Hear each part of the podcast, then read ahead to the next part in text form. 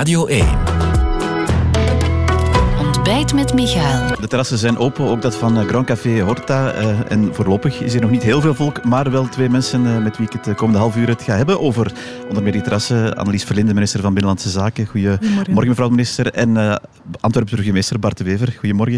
Ik weet niet of het op uw beiden hun bucketlist stond om dat eerste terras met een VRT-journalist te doen, meneer de Wever. maar goed, ze zijn open. Hè. laten we het daar zo meteen over hebben. Eerst even naar de afgelopen nacht kijken, zonder avondklok. Hoe is die in uw stad verlopen? Ik denk vrij rustig, want ik heb vanmorgen om zes uur de vroegnota van de politie opengetrokken, zoals iedere dag. En er stond op één feit na niks in. En dat feit had niks met de nachtklok te maken of, of met het opheffen van de nachtklok. Dus ik denk dat dat heel goed verlopen is. Is dat uh, een geruststelling ook voor de, de komende nachten? Wel, wij hadden ons eigenlijk ook niet aan grote problemen verwacht. Het is ook wel zo dat het samenscholingsverbod geldig blijft en dat je dus niet met grote groepen uh, na middernacht nog op straat mag zijn. Dus het verschil is een beetje subtiel, maar wat wel stopt is eigenlijk het idee dat je huisarrest krijgt van de overheid, wat in een democratische rechtsstaat natuurlijk een buitengewoon vergaande maatregel is die men kan nemen als die pandemie in een uh, expansieve fase is maar die men toch wel heel lang heeft aangehouden. daar gaan we het straks over hebben. Hè. Laten we even kijken naar uh, dit moment. Hè. De terrassen opnieuw open, een belangrijk uh, mijlpaal? Wel, ik denk het wel, omdat het natuurlijk een stuk zal depolariseren in de samenleving. Uh, in toenemende mate zien we dat onze burger tegenover elkaar staat. Uh, er zijn mensen die zich aan alle regels houden, die zich alles ontzeggen en die nu in de leeftijdsgroep zitten dat ze s'avonds gaan nachtbraken. Uh, maar die natuurlijk weinig hebben. En die zien door de venster letterlijk jongere cohorten die zich het veel minder aantrekken, die zich minder zorgen maken over die ziekte en die willen leven en die het af en toe eens goed uithangen. Ja, en dat contrast dat polariseert enorm. Hè. Dat krijg je als burgemeester. Maar dat er een polarisatie is tussen oude en jonge generaties? Wel, laten we zeggen tussen die mensen die de regels strikt opvolgen, die misschien bezorgd zijn over de ziekte enerzijds, en anderen die minder bezorgd zijn over de ziekte en hun leven al hebben willen hernemen en soms in de rebellie gaan anderzijds. Die staan echt tegenover elkaar en die melden zich in de mailbox van de burgemeester. De ene om te zeggen, ik zie hier door mijn venster wat ik zie, stuur alsjeblieft de politie, nog meer handhaving. En de mensen die, als je de politie dan stuurt, omdat het te ver gaat, zeggen: ja, maar wat voor gestapo is dit? Ik, ik probeer toch maar te leven, ik ben toch buiten, dit heeft toch geen zin en die maatregelen zijn allemaal onzin. En dit kan helpen dan, dit openen van de terrassen, dit buitenplan, want het gaat over meer dan alleen Wel, maar die terrassen. Ik denk dat dit in die zin kan helpen dat natuurlijk nu iedereen eindelijk wat zicht krijgt op dagrecreatie, dat mensen iets kunnen gaan drinken, dat mensen terug vrienden kunnen ontmoeten in een ongedwongen sfeer ja, dat zal uh, de zuurtegraad denk ik een stukje naar beneden helpen en ook wel het, de druk op het publiek domein een beetje verminderen. Want horeca die hebben bijvoorbeeld sanitair. Er staat wel sanitair her en der in de stad, maar dat is verre mate onvoldoende. Dus zij die het openbaar domein als hun persoonlijk terras hebben gebruikt, hebben dat ook als hun persoonlijk toilet gebruikt. Ik heb nog nooit zoveel pv's voor wildplassen geschreven uh, mm. dan de afgelopen weken. In de eerste vier dagen van mei was dat in de buurt rond uh, het Museum van Schone Kunst. Dat is een hotspot hier in Antwerpen, waar dat er meer dan 40, dat is echt ongezien. Ja, dat, dat, is, is natuurlijk voor buurtbewoners niet zo aangenaam. Ik heb nog nooit in mijn mailbox zoveel menselijke anatomie gekregen van mensen die door hun appartement een blote poep of nog iets anders doormailen ja, dat van iemand die voor hun deur staat te plassen. In principe. Dat is niet zo heel aangenaam. Ik hoop dat we dat toch ja. veel minder gaan zien. Waarvan akte. Mevrouw de minister, uh, ja, een, een mijlpaal op, op vele vlakken eens mee? Ja, helemaal. Hè. Ik denk dat uh, de opening van de horeca, maar ook de mogelijkheid om buiten een aantal kleinschalige evenementen te organiseren voor de culturele sector, uh, de religies, uh, de sportieve sector, dat geeft toch wat adem aan heel de samenleving. Um, het is nog niet helemaal zoals voordien, maar ik denk toch wel dat het goed is dat iedereen zijn gading wat kan zoeken binnen veilige omstandigheden om terug iets prettig en iets onverwacht, iets spontaans te kunnen doen. Ja, een beetje de demper op de feestvreugde misschien. We hebben het daar straks ook al even over gaat, is natuurlijk, ja, het staat hier ook niet. Hè. Die plexischermen nu in dit, uh, op dit terras ging het sowieso niet gebruikt worden. Maar uh, ja, gisteren, ik denk dat voor veel horeca-uitbaters toch echt wel ja, een, een, moeilijk moment was om dat te horen. Dat heeft ook heel lang geduurd hè, dat die duidelijkheid er kwam. Hè. Ja, dat uh, is zo. De, het uh, ontwerp ministerieel besluit dat we op 29 april al gecommuniceerd hadden, sprak van de afstand van anderhalve meter tussen de tafelgezelschappen. En dan nadien is er blijkbaar iets fout gelopen in het onderhandelen over het protocol voor de horeca, waarbij toch die verwachting gecreëerd is dat met plexi-schermen een alternatief voor die anderhalve meter afstand gecreëerd kon worden. En uh, die beslissing is, van het overlegcomité is dan op het eind van deze week pas herhaald. Dus ik heb heel veel begrip voor horeca-uitbaters en hun frustratie daarover, want zij hadden zich natuurlijk met veel enthousiasme voorbereid om zoveel mogelijk klanten te kunnen bedienen en zullen zich mogelijk nu toch wat moeten herorganiseren. Ja, u hebt zich boos gemaakt gisteren, meneer De Wever. Ja, omdat het allemaal zo laattijdig komt. Hè. Je krijgt natuurlijk heel veel vragen op lokaal niveau van hoe moeten we dit doen, hoe moeten we dat doen. Uh, hier is een markt nu begonnen, mogen wij tafeltjes zetten, mogen wij ook terras organiseren, mag dat niet?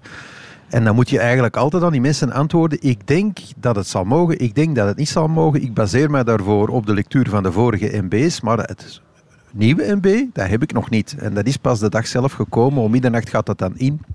Ja, dat is heel moeilijk werken. Zeker als dat nou elke keer toch blijkt dat daar toch rare dingen in staan.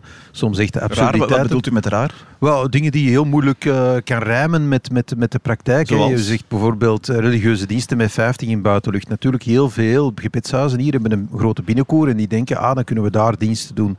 Maar zo staat het er eigenlijk niet. Hè. Die binnenkoer is onderdeel van het gebouw en daar mag je dan maar met 15. En dat zijn dingen die je soms moeilijk kan uitleggen. Je hebt dan een binnenkoer, maar dan mag je niet met 50. Je hebt openbaar domein, mag je dan wel met 50. Zo zijn er altijd ongerijmdheden uh, waar mensen zich op beginnen organiseren. En dan moet je eigenlijk gaan zeggen, ja, maar dit mag, niet, dit mag eigenlijk niet. En dan vinden, ze dat, uh, dan vinden ze dat absurd. En dat vooral met die plexiglazen, ja, dingen kunnen fout lopen, dat is een echte cock-up. Uh, daarvoor zou ik pleiten om dat, om gewoon zo snel mogelijk recht te zetten. Laten we eigenlijk nu proberen van te zeggen in de handhaving een oogje dicht te knijpen. Ik ben daar zeker toe bereid. Hè, maar... Gaat u dat zelf ook doen, voor alle duidelijkheid? Ja, dat is natuurlijk altijd gevoelig. Hè. Wij worden per MB bestuurd. Daarover hebben we een beetje een twistappel uh, met de, de Vivaldi-regering. Omdat wij zeggen eigenlijk, wij willen dat niet meer, hè, die MB's. Ja, wij daar zullen we straks nog even over hebben. Maar, in echt ja, maar het, het, inhoudelijke, dat die plexi-schermen gaat u zo tolereren? Het heeft in die zin zijn belang dat een MB kracht van wet heeft. Hè. Onder de federale fase van het rampenplan, hè, de civiele veiligheid, is dat de wet. Nu, als burgemeester heb ik ooit gezworen bij de gouverneur dat ik die wet ga handhaven. Dus gewoon zeggen, zoals de collega van Gent, ik handhaaf niet. Ik vind dat gevoelig. Ik heb altijd de wet gehandhaafd. Ik ben een paar keer in het nieuws gekomen omdat ik zeg, aanbevelingen zoals op een bankje zitten, dat handhaaf ik niet. Maar de wet handhaaf ik wel. En nu vind ik het uh, eigenlijk ja, uh, heel, heel gevoelig om te zeggen, ik ga dat niet doen. Als we natuurlijk samen afspreken van kijk, dit was een misser en het volgende uh, MB dat er misschien snel kan komen, zetten we dat terecht.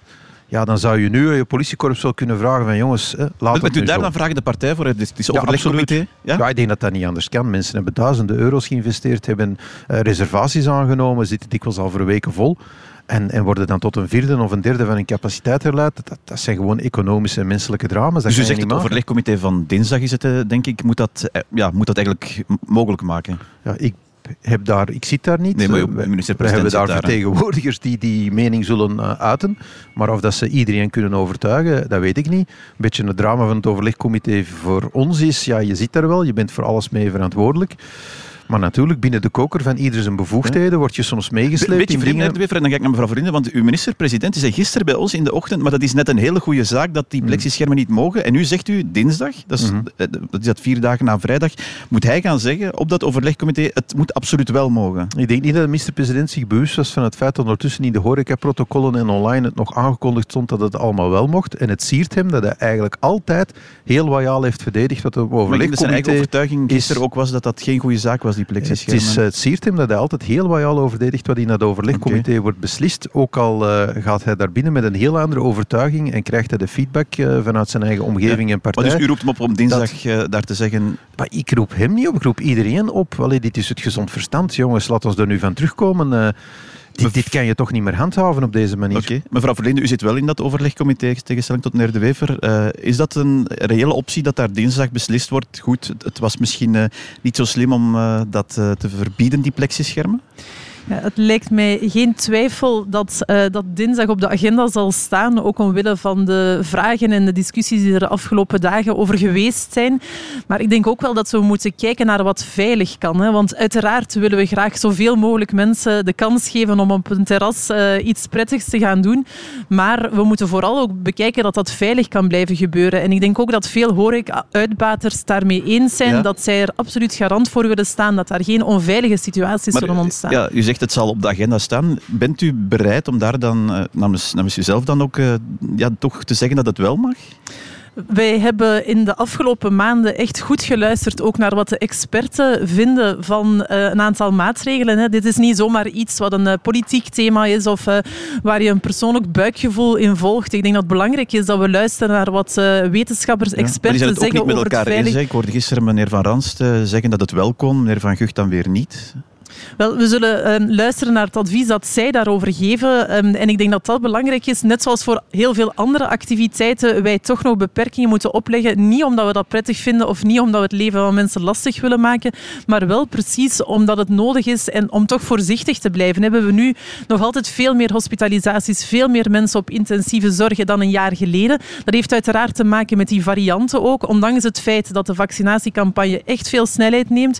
Maar dat betekent toch dat we geen dingen willen doen gebeuren. Maar het is niet uitgesloten, zeg dat er dinsdag op teruggekomen wordt. Ik denk dat het niet uitgesloten is dat we dat terug bespreken, absoluut niet. Maar we moeten ervoor zorgen om in deze crisis toch ook de veiligheid van iedereen te blijven garanderen. Ja, een ander punt dat eh, meneer De Wever aanhaalt is dat ministerieel besluit, want dit staat uh, niet in dat besluit, denk ik, in dat plexiglas, dat staat in dat protocol. Maar dat besluit was er gisteren effectief heel laat. Hè?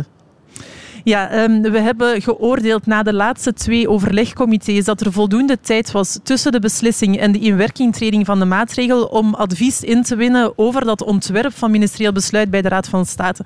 Dat is overigens ook iets waar ik door de oppositie, inclusief um, ook de partij van meneer De Wever, op ben aangesproken. In februari bijvoorbeeld nog op een uh, actueel debat in het parlement.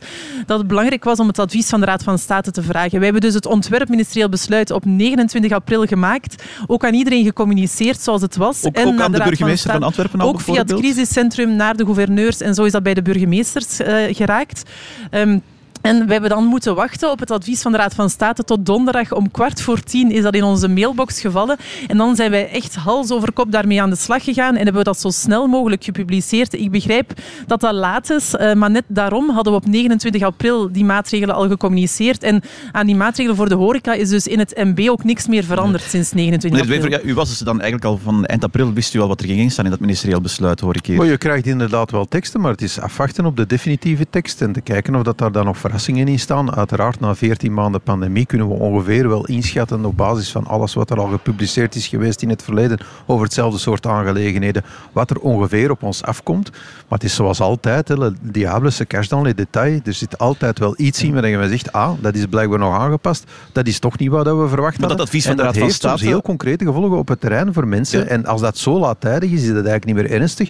Wat die plexiglazen betreft, kan je eindeloos discussiëren of dat, dat virologisch veilig is. Maar de situatie die men nu heeft gecreëerd is gewoon onmogelijk. Men moet daarop terugkomen, want het is volstrekt onredelijk om dat nu nog op die manier okay, te handhaven. Dat hebt u gemaakt, maar hier wordt ook gezegd door de mevrouw minister dat dat advies van de Raad van State, iets waar uw partij dan ja, maar dat zal wel zijn. Uh, en, en dat is ook een goede zaak. Wij zijn het ook helemaal niet eens met het besturen per MB. Dat is een van de laatste, laagste rechtsnormen uh, die er is. Je hebt een grondwet, je hebt de wet, je hebt een koninklijk besluit en dan heb je een ministerieel besluit. Eigenlijk is dat gewoon getekend door een, een minister. Um, in een pandemie die al 14, da 14 maanden duurt, vinden wij dat dat, dat, dat onbehoorlijk is, conform de fundamentele rechten Ja, en vrijheden nog van even mensen. daarover, En mevrouw dus- de minister, in die pandemiewet, want die, die ligt ook voor dat ministerieel besluit, dat wordt uh, een koninklijk besluit, dacht ik. Hè? Ja, um, het ministerieel besluit waar we vandaag mee werken wordt niet zomaar getekend door een minister. Dat vertaalt de beslissingen die in consensus in het overlegcomité genomen zijn. Daar wordt ook over gesproken in de ministerraad. En dan vervolgens Ja, maar die um, wordt pandemiewet... dat... Um, wordt dat uh, gepubliceerd. Dus daar gaat heel wat overleg en discussie aan vooraf. Um, en in de pandemiewet, zoals het ontwerp vandaag voor ligt, werken we, of is het voorstel inderdaad om te werken met koninklijke besluiten. We hebben um, daar uh, de, de, het advies van de Raad van State ook over gevraagd. En daar is bevestigd dat dat effectief zo kan, omdat je in een pandemie niet alleen de rechtszekerheid moet garanderen, maar er ook wel voor moet kunnen zorgen dat je snel kan handelen. En bijvoorbeeld het voorbeeld van de reizen, waar we heel snel moesten zeggen, ja, die Braziliaanse, die Indische varianten, die moeten we tegengaan. Daar is het duidelijk gebleken dat je soms niet kan wachten en dat het in bepaalde gevallen een kwestie van uren is. Ja, meneer Wever, wordt dat met die pandemiewet beter volgens u? Een koninklijk besluit zal misschien voor mensen wat... Nee, wij uh, zijn het niet eens met dat ontwerp, omdat het eigenlijk een volmachtenwet is. Hè. Eigenlijk uh, beschrijft dat wat men nu al doet en zet men dat dan op het niveau van een KB, maar daar zijn wij het niet mee eens. Wij vinden dat het parlement een rol moet kunnen spelen. Uiteindelijk, er mag zoveel overleg zijn als dat je wil van iedereen, maar een ministerieel besluit blijft uiteindelijk een besluit ondertekend door één minister als rechtsnorm, punt. En als je daarmee fundamentele rechten en vrijheden gedurende lange tijd gaat opschorten, ja, daarvoor uh, is de regering ook al twee keer door een rechtbank veroordeeld. Dat is toch wel verregaand. En wij vinden dat dat zo niet kan. Wij vinden dat het Oké. parlement zijn rol moet kunnen spelen. Een, een regering mag vooral duidelijk onmiddellijk een beslissing nemen. Maar moet die dan binnen de week aan het parlement voorleggen? En ik denk dat het ook zou helpen om sommige absurditeiten uit de teksten te halen. Ik wil u bijna nog heel kort even iets uh, voorleggen. Er is veel te doen naar aanleiding van veel heren, partijgenoten van u, mevrouw Verlinde, die zich al gevaccineerd had voordat ze er eigenlijk ja, recht op had. Bent u beiden al gevaccineerd, mevrouw Verlinde? Ik ben nog niet gevaccineerd en ik zal mijn eh, beurt afwachten. Ik denk dat dat ook um, gepast is. Je ziet wel in andere landen dat bepaalde leiders zich hebben laten vaccineren om ook mensen te overtuigen van de toegevoegde waarde van zo'n vaccin. Maar ik denk dat dat hier niet nodig is. In Vlaanderen gaat de vaccinatiecampagne ongelooflijk goed. En ik zal uh, allicht ergens later deze maand of begin juni mijn uitnodiging uh, krijgen. En u, meneer De Wever? Ik ben niet gevaccineerd, nee. nee. nee. Hebt u al een uitnodiging gekregen? Eigenlijk uh, is dat in mijn privacy. Hè? U vraagt mij naar iets, naar mijn medisch dossier. Nee, u moet niet antwoorden, maar ik vraag... Maar ik ben nee. Gaat u doen als, als u die oproep krijgt? Ja. Ik zal mij wel laten vaccineren. Ik ben vaccinatiebereid, maar ik heb het nog niet gedaan. Nee, oké. Maar dus uh, geen van beiden, u bent uh, gevaccineerd. Bart Wever, burgemeester van Antwerpen. Annelies Verlinde, minister van Binnenlandse Zaken. Dank u wel. Dank u wel. Dank u. Dit was Ontbijt met Michael. Een podcast van Radio 1. Ontdek nog meer podcasts van Radio 1 in onze app en op radio1.be. Altijd benieuwd.